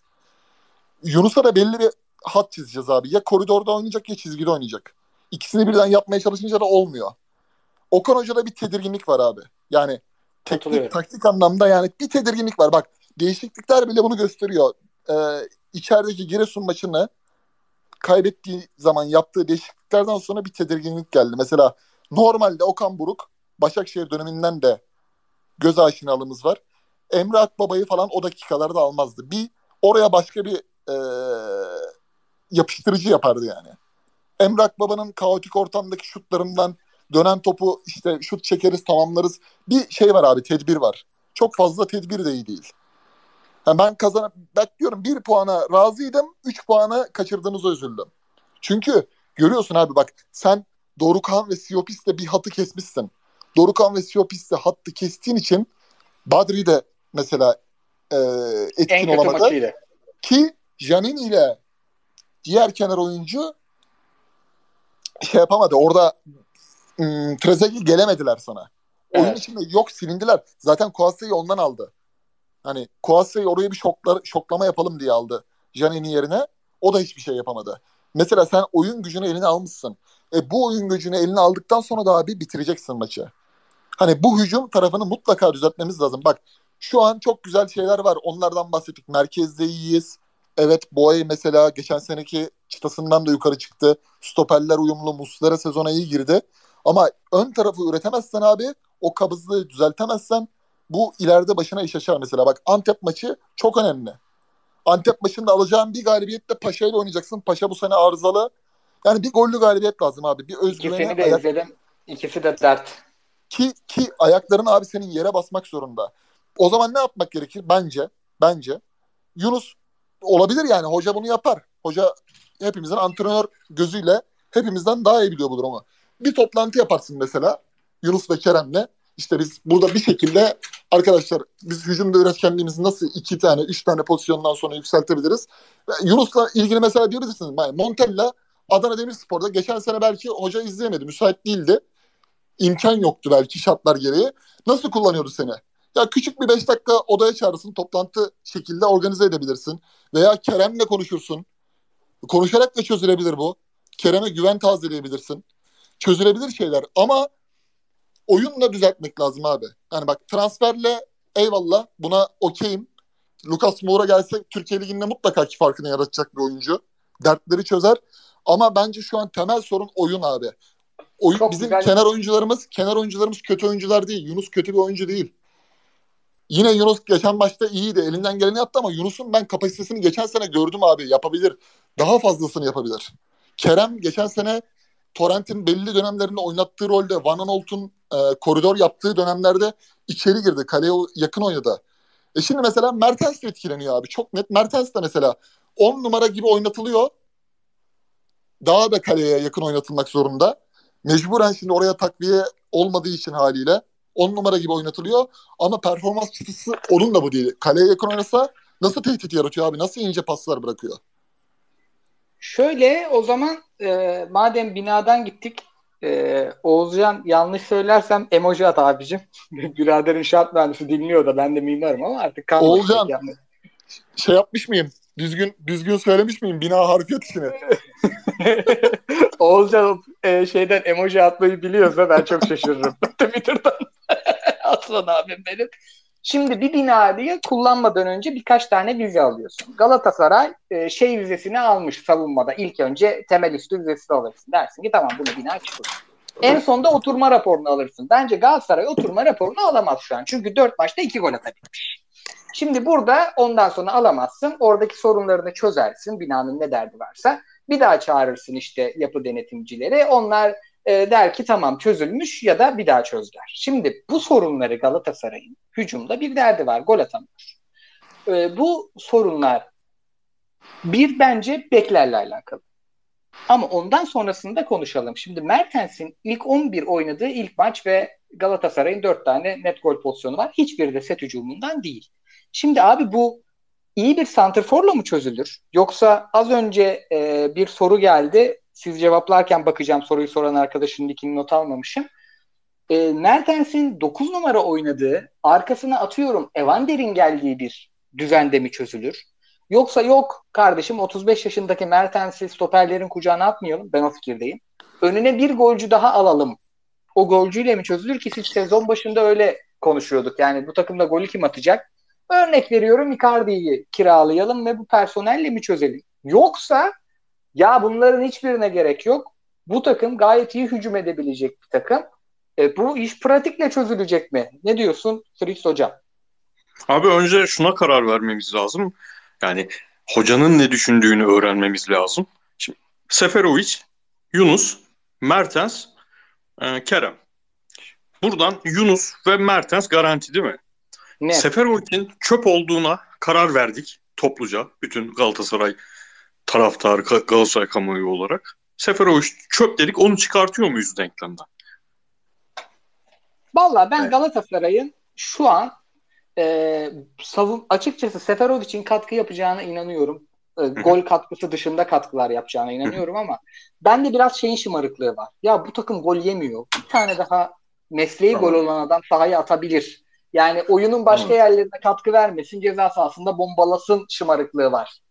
Anladım Dört abi. bir gol yiyince. Peki biz bundan bir ay önce bu takımın yapılanmasına dair ne konuşuyorduk? Bütün beklentimiz, heyecanımız neydi ve hocanın da beklentisinin o olduğunu biliyorduk. Seferovic bu takımın servisçisi. Seferovic bu takımın bağlantı oyuncusu. Golü Seferovic atmayacak. Golü atacak bir oyuncu getireceğiz. Bu net bir santrafor olabilir ya da Mertens gibi harika bir bitirici olabilir. Mertens geldi. E, hoca öyle bir yapı kuracak ki Kerem ve Yunus da skorere dönüşecek ve skoru biz Mer e, Seferovic'in arkasındaki oyunculardan alacağız. Şu ana kadar Trabzon maçında e, denk gelen kötü vurduğu kaleciye hiç bakmadan kaleci yatmışken üzerine vurduğu pozisyon dışında Kerem ve e, Yunus'u biz kaç defa pozisyona sokabildik ki şu an ya bizim derdimiz santraforun gol atmaması diye konuşuyoruz. Ben burada hocaya şu ana kadarki en büyük eleştirim bu. Dördüncü maçı oynadı Galatasaray. Dördüncü maçta skor yapsın diye yapılanmayı ona göre ayarladığını düşündüğümüz oyuncuların hiçbiri performans vermiyor. Evet Seferovic psikolojik olarak bitik durumda. Geçen hafta o direğe vuran pozisyonundan sonraki suratını gördüm ben. Dedim bu adam tamam. Yani bu adamın hemen önümüzdeki maçta gol atması lazım. E, bu maçta da hiçbir şey yapamadı. E, bu adam gol atamadığı zaman derine gelip o servisçiliğini yapabilecek yapı da olmadığı için etrafında hala. Bütün oyuncular üst üste bindiği için, kimsenin rolü iyi ayarlanmadığı için set hücumunda Seferovic tamamen taca çıkıyor. Ha ben okeyim yani. Sen ilk yazdığın zaman bana Seferovic gelmiş dediğin zaman kim golü atacak amına koyayım bu takımda dedim.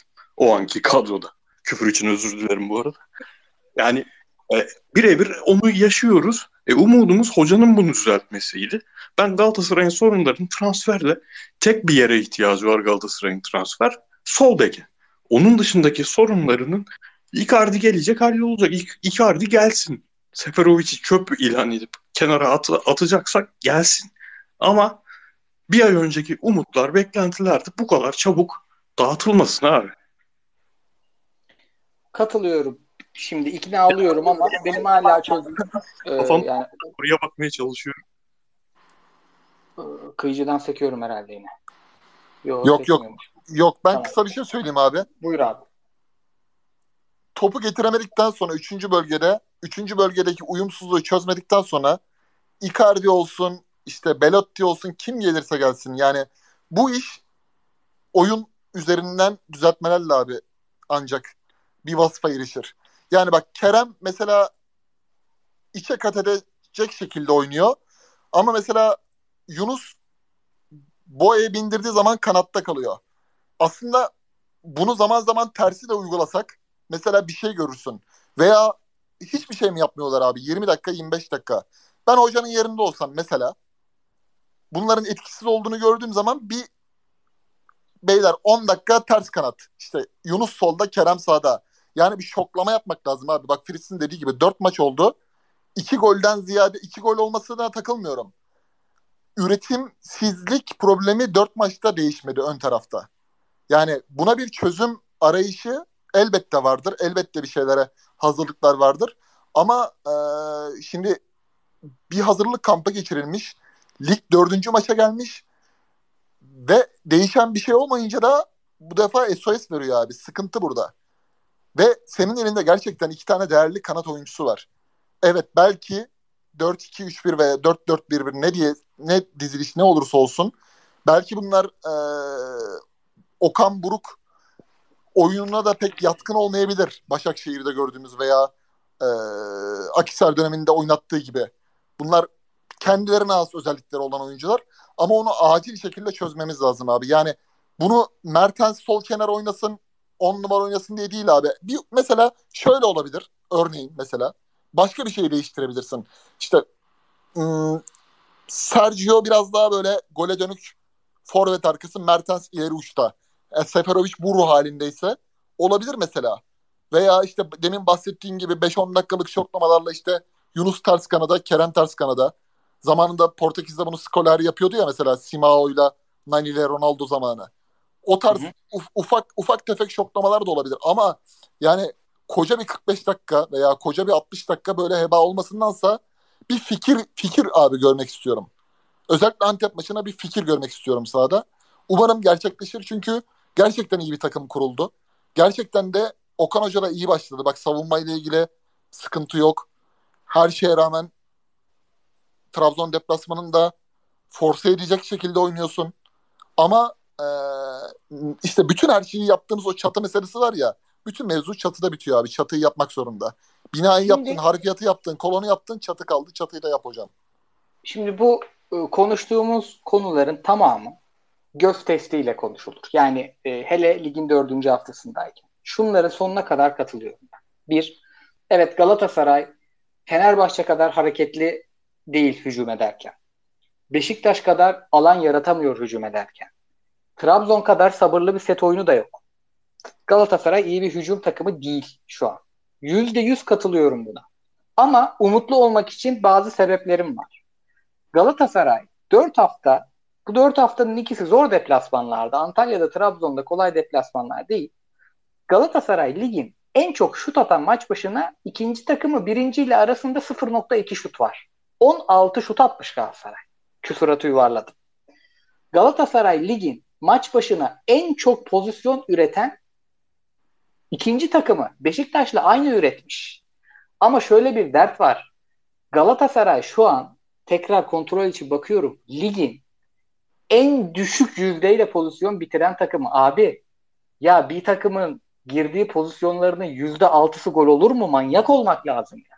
Yüzde altı yani yüzde örnek veriyorum Beşiktaş yüzde otuz dört Galatasaray yüzde altı yani ortalaması ligin yüzde yirmi iki bu ligde beş pozisyonun biri gol olmuş Galatasaray on pozisyondan birini gole çevirememiş. Yani burada biraz Abi. da şeye bak tekrar ediyorum. Bunların %6'da kalmasının önemli bir sebebi onların bulduğu pozisyonların Galatasaray'ınkinden daha net pozisyonlar olması. Bu oyuncular şey değil. Ama bu üzerine konulabilecek bir şey olduğu umudunu da bana veriyor. Ne yalan söyleyeyim. Abi bu istatistiklerde az maç oynandığı zaman şöyle bir sıkıntı oluyor yalnız. Belli maçların belli noktalarında e, konsantre olmuş bazı dakikalar oluyor. Mesela bize en çok umut veren geçen haftaki maçın 45-65'i var ya. O maçın 45-60'ı 45-65'i e, Trabzon maçının da Galatasaray'ın diğer maçlarda bulamayacağı türden çok e, açık alanda yakaladığı pozisyonlar o istatistiği artırmış olabilir. O istatistik bizi geçen sene e, hocanın takım Fatih Hoca'nın takımında çok yanıltmıştı. Geçen sene de hep Evet. diyorduk ki ya bu takım yani istatistiğe bakıyorduk, Instat'ın verisine bakıyorduk. Allah Allah bu takım sürekli ilk üçte, ilk üçte, ilk üçte ama olmuyor. E demek ki e, o pozisyonlar evet pozisyonlara giriliyor ama doğru maçlarda doğru anlarda girilmiyor. Bitirsem bile yani şimdi normalde 1-0 ile 5-0 kazanmanın bir farkı olmayan bir maçta 8 tane pozisyona girmekle net bir 3 puan alman gereken maçta 2 tane pozisyona girip o maçta puan kaybetmek o istatistikleri anlamsız kılıyor. O tehlikeye düşmemek lazım. Ama yoksa yani benim olumsuz konuşmam tamamen rakiple alakalı bu maçta. Bir de şeyi söyleyeyim. Oliveira ismini bir, bu kadar kolay ismi niye söyleyemiyorum bilmiyorum ama Oliveira diyeceğim yanlış söyleyeceğim. Abi bu adam normal bir oyuncu. Bu adam ne çöp. Bu adam ne büyük böyle maestroluk yapacak bir oyuncu. Bu adam normal, faydalı bir takım oyuncusu. Kafa gidiyor. Çok basit pasları veremiyor. Tam Belhanda stili. Tam Belhanda stili o açıdan. Tabii ki Belhanda kadar iyi bir fiziği yok.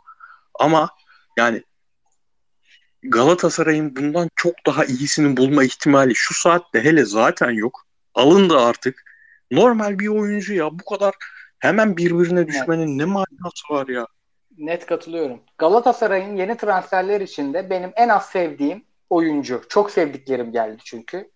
Ama yani özellikle Trabzon maçında çok gereksiz gömüldüğünü düşünüyorum ben. Üzerinden çok Evet. gereksiz bir kavga döndüğünü düşünüyorum. Evet. Yani Onun da en- sebebini söyleyeyim. Bu içimde kaldı abi. Sen bitir öyle söyleyeyim. ya en eli yüzü düzgün performansıydı. Katılıyorum. Agalar. Maçların temposu düştüğünde bu yorumcu abilerimizde de oluyor. Biz izleyenlerde de oluyor. Şu telefonu az alın elinize. Yanlış topçulara yanlış zamanlarda sallıyorsunuz. Sonra ertesi gün istatistikler gelince düzelteceğim diye uğraşıyorsun. Abi Twitter'ın 10 senedir en çok hepimizi yakan kısmı. Birbirimizi çok gereksiz gaza getiriyoruz. Aynen Böyle abi. konularda. Bugün öyle şeyler okudum ki yani biz işte çekimdeydik bilmem neredeydik. Ben birkaç gündür yani yoğunluğum da var cenaze menaze. Ee, Çok bakamıyorum. Öyle şeyler okuyorum ki. Ya belli abi sen maçı izlemeden yazıyorsun onu. Sonra gidip maçı izlemeden konuşuyorsun ve izlediğini sanıyorsun. Bu arada çünkü maç o kadar çok duruyor ki hepimiz bir şeylere bakıyoruz. Ben kendimden vereyim örneği. Antalya maçında direkten dönen pozisyonu var ya Seferovic'in. Hı hı. Bakın yemin ediyorum size artık yemin ediyorum ben o maçı iki kere izledim.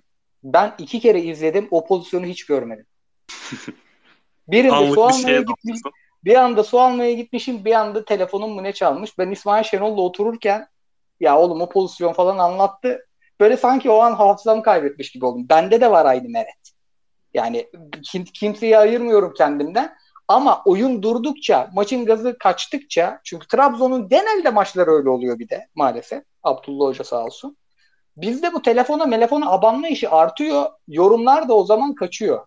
Bak kendim de yapmışım. Rahat rahat anlatıyorum. Agalar bunları yapmayalım. Hepimizin e, yani bir konuştuğunun bir şeyi var çünkü. Bir yere gidiyor en azından birbirimize gidiyor yani. Sizin konuştuğunuz da gidiyor ve komik oluyor abi. Öyle ve şu 3 senedir de şunu tam oturtamadık. Taraftar olarak, izleyici olarak, Süper Lig seven insanlar olarak.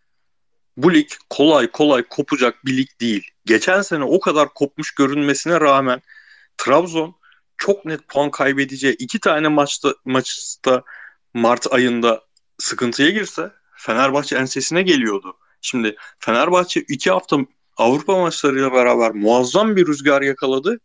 Hop Vaduz'a elenmiş Konya'ya karşı oynadığı futbola bak. Beşiktaş şimdi müthiş bir iki maç oynadı. Şimdi bundan iki hafta sonra ne olacağını bilmiyoruz. Bu ligde kimse uçup kaçmayacak. Puanlar birbirine yakın gidecek. Saçma sapan krizlere girmezse takımlar. Özellikle Galatasaray ve Fener artık buna çok daha teşne. Kendini kaptırıp gitmeye. Beşiktaş'ın en sevdiğim huyu çok iyi salağa yatıyorlar böyle şeylerde. Bazı sezonlarda. Aa bir bakıyorsun ulan Beşiktaş'tan hiç beklenti yokken oğlum bunlar ne ara lider oldu falan diyorsun. Onlar iyi kıvırıyor. Galatasaray ve Fener çok tehlike. İşte git Oli İrfancan yorumcunun fotoğrafının kepsini alıp 3 paragraf hayatında 3 paragraf yazı yazmamıştır. 3 paragraf yazı yazsın. Galatasaray yok Oliveira mı çöp, daha çöp, Seferovic mi çöp bunu tartışsın falan. Gereksiz vakit kay- kaybediyor, gereksiz enerji kaybediyor. Bu enerji de yansıyor takımlara. Bak.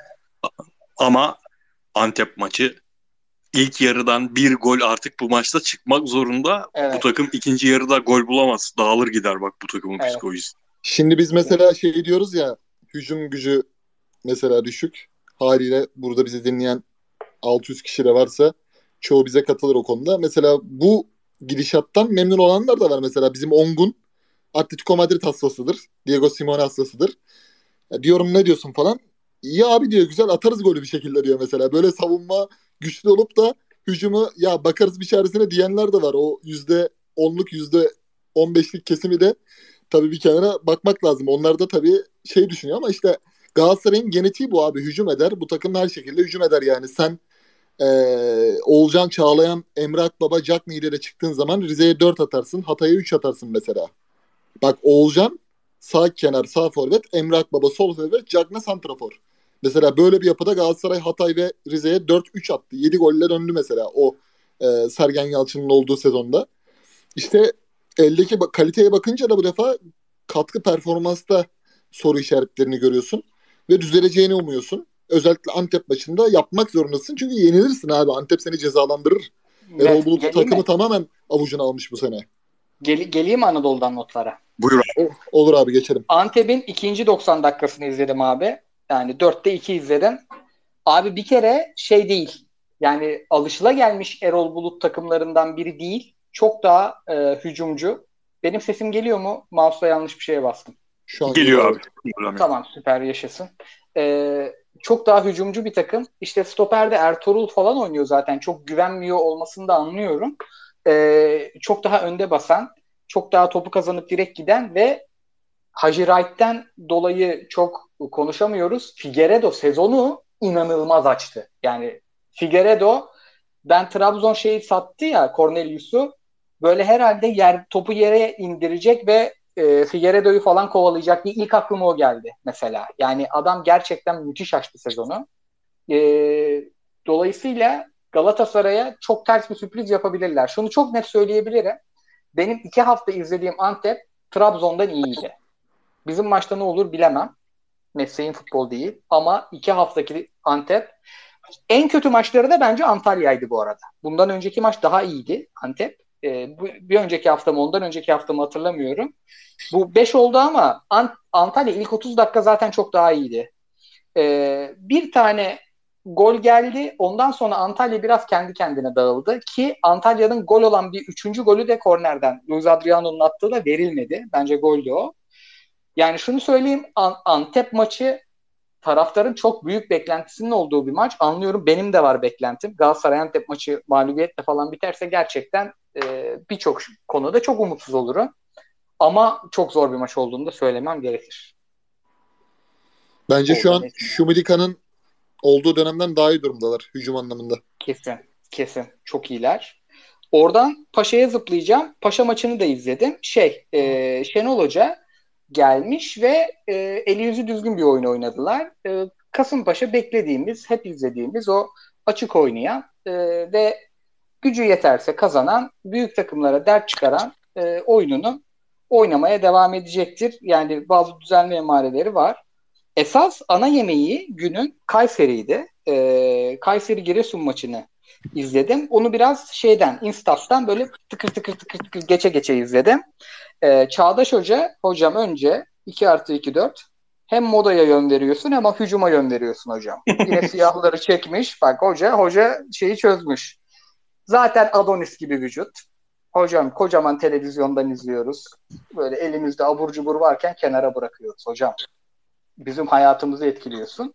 Siyahları çekmiş tertemiz böyle. Hani orada böyle bir karizmayı önce aldık. Maçta da bir üçüncü gol var. Üçüncü gol yani şunu anlatmayacağım. Zaten Çağdaş Atan'ın oynattığı oyunu hepimiz biliyoruz ama hiç transfer yapmamış bir takımda şu çok değerli. 2-0 öndesin Giresun'a karşı. Üçüncü gol kazandığın topla hücum ediyorsun. Ceza sahasında 7 kişisin abi. Evet. Bak bu şimdi Galatasaray'da konuşuyoruz ya hücum toparlanacak işte Icardi gelecek mi? Ramazan Civelek ceza sahasında ters ayak plaseyi bıraktı abi. Yani bu bu başka bir bu hocalık işte. Yani o bir de bu takımın transfer yapamamış tek takım Kayseri ve bu takımın böyle tırnak içinde söylüyorum gol arsızı olması çok değerli. Ve size şu pası atacağım. Kıyıcı hocam Ankara gücü Ömer Erdoğan evliliğiyle ilgili ne düşünüyorsun? Ömer Hoca lige döndü. Abi ben İsmail Kartal bekliyordum. Çünkü Fenerbahçe Cesus'la iyi başlayınca hocanın biraz şeyi gardı kırılmıştır. Yeniden Ankara gücü bekliyordum ama beni en çok ilgimi çeken şey oldu. Eski teknik direktörle yeni teknik direktörün görev şeyi gibi yani. o ona görevi devrederken ilk defa böyle bir şeyle karşılaştım. Yani burası burası Süper Lig olduğu için haliyle artık hiçbir şeye şaşırmamak lazım.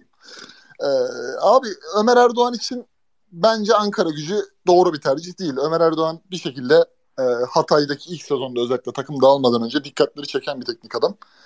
Ee, Ankara gücü çok kaotik bir kulüp abi. Yani önceki sezonlarda Hikmet Karaman döneminden gelen e, bir sıkıntılar var.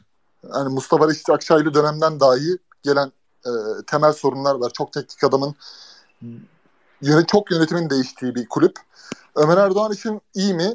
Emin değilim. Ama bak mesela Çağdaş Hoca için Kayseri'nin belli yönlerde artıları var mesela. Hani transfer yasağı yok. Babanın kafası rahat. Kampa gideceği oyuncu belli. Alacağı verim belli.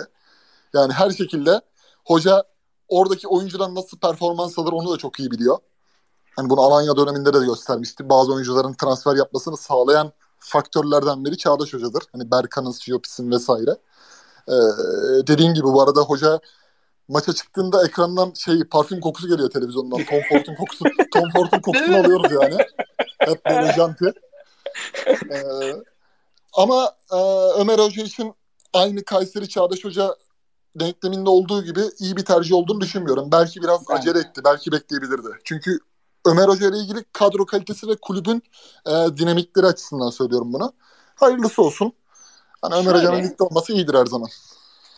23 oyuncu gelmiş Ankara gücüne bu sene. Benim Ankara güçlü arkadaşlarım var bu arada oyun sektöründen. Onların böyle arada space odalarına falan katılıyorum. Yönetimle ilgili de dertleri var. 30 tane oyuncu gitmiş. Ben burada hocayı heyecanlandıran oyuncular görüyorum yani. Jeseler mesela bayağı eli yüzü düzgün futbolcular var. Bu ve hep şey konuşuluyordu. Bu takım kale olmasa çok iyi oynuyor. Yani hep topa sahip, hep toplu oynayan. Ama bir yönetim eğer 23 transfer yapıp hocayı 4 hafta 5 haftada yolluyorsa biraz e, hakikaten korkmak lazım o yönetimden. Abi ben Kayseri o konularda isterse- bir yönetim. isterse 15 gol 15 asistle bitirsin sezonu. Gidip 2022 yazında Jesse getiren yöneticinin elinden transfer yapma hakkını böyle FFP ile falan değil direkt yargı yoluyla falan alırım yani. Baba. CS'yi bırak Make'de oynuyor abi. Make'de en son Evet. FM'de rezerv kadroya atıyordum ben Manchester'la. O doğru bak doğru doğru var. Ankara gücünün kadrosu bizim böyle lisede pardon abi senin sesin gitti de ben sustum sandım. Buyur tekrar alabilir miyim? Ha, kimse duymadı yalnız. Önemli bir şey söylemedim ya. Tam bu okuldan kaçıp PES'e kaçtığımız öyle PES 5 dönemlerinde e, Master Ligi aldığımız oyuncular bunlar. Maçedalar, Refeler. Onlar genç yetenekti o zaman. Yani. Abi Hayır. şeyi gördüğümde ben Ömer Erdoğan haberini ilk gördüğümde aklım direkt geçen sene Çağdaş atan Malatya haberi çıkmıştı ya. Evet, O çok Malatya'nın çok fena durumunda. Aman baba demiştik. Sonra bu sene Samsun haberi çıktı. Samsun daha eli yüzü düzgün bir kulüp ama hocanın seviye inmemesi lazımdı. Alt lige gitmemesi lazımdı. Maça da şeye de Kayseri maçına da senin anlattığın 3. gol aklım direkt şeye gitti abi bizim içimizdeki yara. 2017-2018 sezonu Galatasaray Sivas maçı skor 3-0 88. dakika 6 kişi Sivas ceza sahasında gol kaçıyor ve herkesin el- elleri başlarının arasında. 3-0 iken 88'de kaçan golü e, üzülüyorlar. Ya Çağdaş Hoca biliyorsun benim eğer Galatasaray taraftarı benim hayalimdeki bir kitle olsa ne denir? Anahtar teslim kulübü en azından bir sezon bırakmak istediğim bir hoca. Bir gün inşallah olur. Yani işte İlhan Parlak'la falan 2022 yılında futbol oynatıyor adam abi. Futbol oynatıyor yani. Puan toplar toplamaz. Yetenek yeter yetmez bilmiyorum ama oynatıyor adam. Benim, be- benim de futbol izleme sebebim böyle adamlar yani. Net Peki-. Bir senaryo yazayım size. Abdullah Avcı yorgunum bırakıyorum dedi. Şenol Güneş Zigana'da bekliyor. Trabzonspor'un Ceyhun kazancısı var mıdır Çağdaş Hoca'yı çekecek? Bu adam bu takımda iş yapıyor deyip. Hadi bakalım. Vallahi Trabzon yani Ben sana bir şey söyleyeyim mi? Acayip oynatır Trabzonspor'u. ben o Çağdaş Hoca adına sevinemem Trabzon'a gidince. Bir Galatasaraylı olarak canım sıkılır. Öyle söyleyeyim. O kadar da hayranı değiliz kimsenin. Abi özellikle Alanya'daki önde baskısı vardı ya. Aynen. Şimdi Trabzon kadrosunu düşünüyorum. Bu kadroyla o konuda bir sıkıntı yaşar mı yaşamaz mı? Kayseri'deki futbolcuyu bir şekilde ikna edip hallediyor da Trabzon enteresan yer. O yüzden hoca biraz daha şey olsun. Biraz daha böyle garanti gitsin. Bir Türkiye kupası falan alsın inşallah. Bu o arada şekilde gitsin. bu sene hiç konuşmadık. Bunu da ben aklıma gelmişken söyleyeyim abi. Bu hafta bay geçtiler. Ee, Başakşehir bence gizli şampiyonluk favorisi. İyi bir takım kurdular. Antwerp maçında da izledim. Çok iyi oynadılar abi. Antwerp de yani çok iyi bir takım. Belçika'da bakma yani böyle babaların başına bela açan o Giliores'e, Anderlecht, Bruges, işte Cercle Bruges o takımların başına bela açan bir takım. İki maçta da çok dominant bir oyun ortaya koydular. Kadro kaliteleri iyi. Emre Belezoğlu bir şekilde o kadroyu şampiyonluk yarışında tutacaktır bence. Hani şu an bence ligin gizli favorisi ki bu hafta Alanya ile oynayacaklar içeride. Ardından Beşiktaş ve Karagümrük e, gidişatlarını belirleyecek serüvene giriyorlar bu hafta itibariyle bence. Abi ben ilk an, ilk maçlarını izledim Antwerp'e karşı. Eleştiren de çok çok top kaybı yapıyor diye ama böyle ara ara izlemek için o Münir müthiş topçu. Evet. Münir inanılmaz oyuncu abi. İnanılmaz Abi oyuncu. şimdi Tra- Traore geldi abi. Münir var elde. Ee, bazı oyuncuların da performansı artış gösterecek. Berkay Özcan'ın mesela e, artış gösterecek. Şadli zaman zaman kullanıyor Avrupa maçlarında.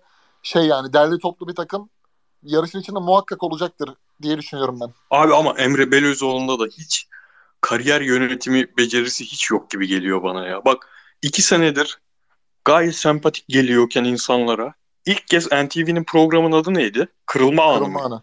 Kırılma anında birinin bu şekilde gündem olduğunu görüyorum. Abi niye giriyorsun? Tamam insanlar unutmak istedi. O konuyu hatırlamak istemiyor. Bir de üstüne Evet evet. Türk Yok abi. evladını mı bir Türk evladını mı tercih edersiniz bir yabancıyı mı falan. Biz ne güzel burada seni övmeye başlayacaktık. Nereden Evet çıktı abi. bunlar ya? Yani ırkçılık yaptığın için özür dileriz mi diyelim ne diyelim tamam Ya. kapanır her insan hata yapar da konu kapanır ya. Bir de birinci bölüm, iki bölüm ya o program. Bir hafta milletin sempatisini gene toplarken ikinci hafta ben de okudum onu. Ee, Zokora mevzusu. Yani dedim olacak şey değil ya. Hani bir de öyle yaptığı meseleden sonra şey diyor ya o benim çok dikkatimi çekti. Hani Türk evladını mı bilmem ne işte bizim düşmanlarınız mı? Şu kafadan çıkın abi artık ya. Takım çalıştırıyorsunuz siz ya. Yani Topçu, abi gibi, topçu gibi demeç vermeyin. Benim topçu ta- çalıştırdığım takımda kaç tane Türk var, kaç tane yabancı var? Bu Ya. sağlıklı bir kafa yapısı mı ki? değil. Abi hani bir de sen Başakşehir altyapısında, Başakşehir akademisinde kim bilir kaç tane çocuğun, orta saha oynayan çocuğun rol modelisin yani hala. Abi benim şey teorim var ya 96-2000 Galatasaray UEFA kadrosu Florya o ekip bazı olayları aşamıyorlar abi. Bazı olayları aşamayıp böyle dönem dönem enteresan beyanlarla yeniden oraya dönüp hep bir böyle confirmation arıyorlar yani. Ya Aynen. tamam abi sen kralsın. Sürekli kralsın diyelim istiyorlar. Onu işte Arda'ya da bence geçirdikleri şey bu. Arda büyürken. Öyle enteresan bir tarafı var o Florya tayfanın. Abiler çok güzelmiş fikstür. Girelim mi ya? Normalde Gir dönmem abi. muhabbetinizle bu fikstür. Geçen hafta mesela tatsızdık biraz. İlk maç Cuma 21. Ah, bu takımları TFF'nin sitesinde sponsorlarını da görüyorum. Çok komik. Hangi kredi Ümraniye Spor Trabzon? Bu güzel maç. Sıkıntılı maç. Harbi sıkıntılı maç. Bu güzel Sıkıntılı maç. maç. Çok güzel açılıyor hafta. Ee, 3 Eylül e, Cumartesi günü 19-15 Sivas Karagümrük. Tam güzel zamana denk gelmiş. Bu maçın normalde izleyeni az olur. Aynı saatte Başakşehir Alanya var. Bu çok güzel maç olur. Sivas maçında 3 puan gelmezse Mecnun Ot- Ot yakmaz. Fitil ateşler abi. Evet. Bir, bir iki bir- röportaj verir. Bir röportaj verir. Yani şey gibi zamanı geldi. veriyor ya.